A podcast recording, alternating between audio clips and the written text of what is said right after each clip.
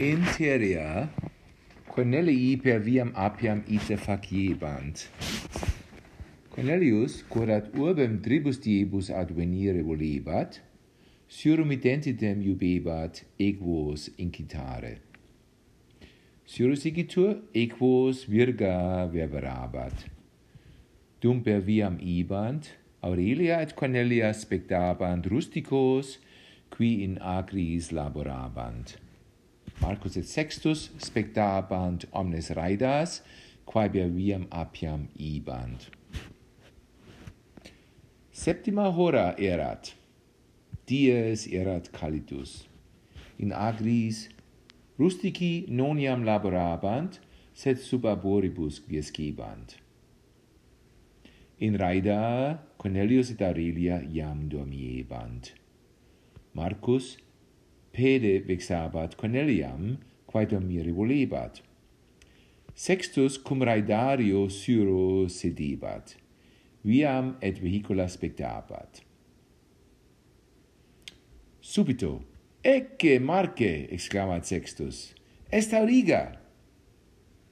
Marcus magno risu respondet, non est auriga fatue, estabelarius qui qui epistulas civium praecarorum ab urbe fert tabellarii semper celeriter ita faciunt quod epistulas ab urbe ad omnes partes Italiae ferunt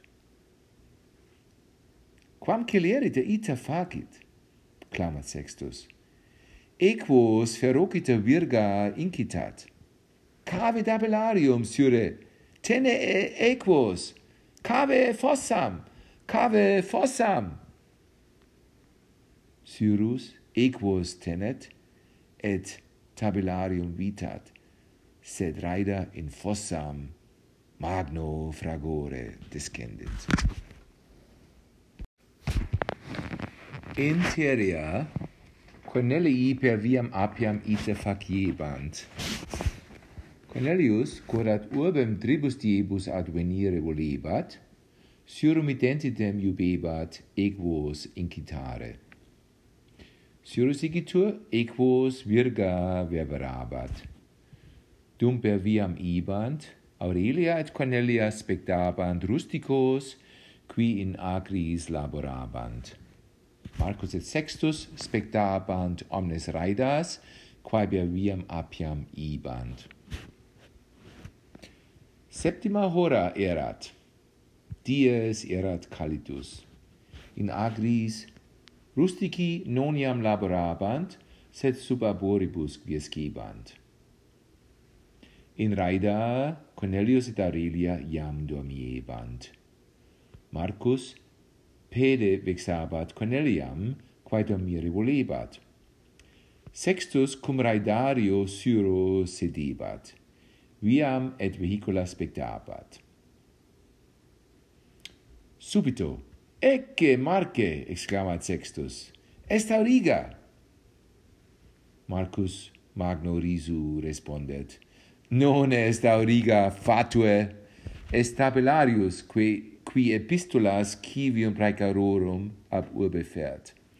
Tabellarii semper celerita ita faciunt, quod epistolas ab urbe ad omnes partes Italiae ferunt. Quam celerite ita facit, clamat Sextus, equos ferocita virga incitat. Cave dabelarium, sire, tene equos, cave fossam, cave fossam. Syrus equos tenet, et tabellarium vitat, sed raida in fossam magno fragore descendit. In Syria, Cornelii per viam apiam ite faciebant. Cornelius, quod urbem tribus diebus advenire volebat, surum identitem iubebat equos incitare. Surus igitur, equos virga verberabat dum per viam ibant, Aurelia et Cornelia spectabant rusticos, qui in agris laborabant.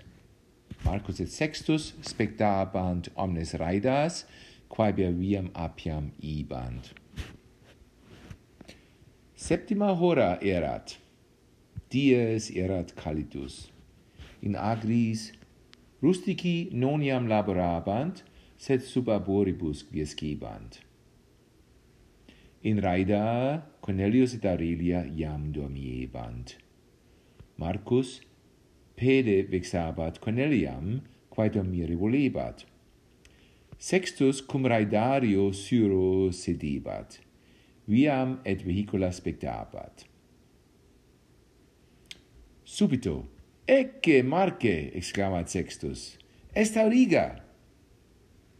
Marcus magno risu respondet, non est auriga fatue est tabellarius qui qui epistolas civium praecarorum ab urbe fert tabellarii semper celeriter ita faciunt quod epistolas ab urbe ad omnes partes Italiae ferunt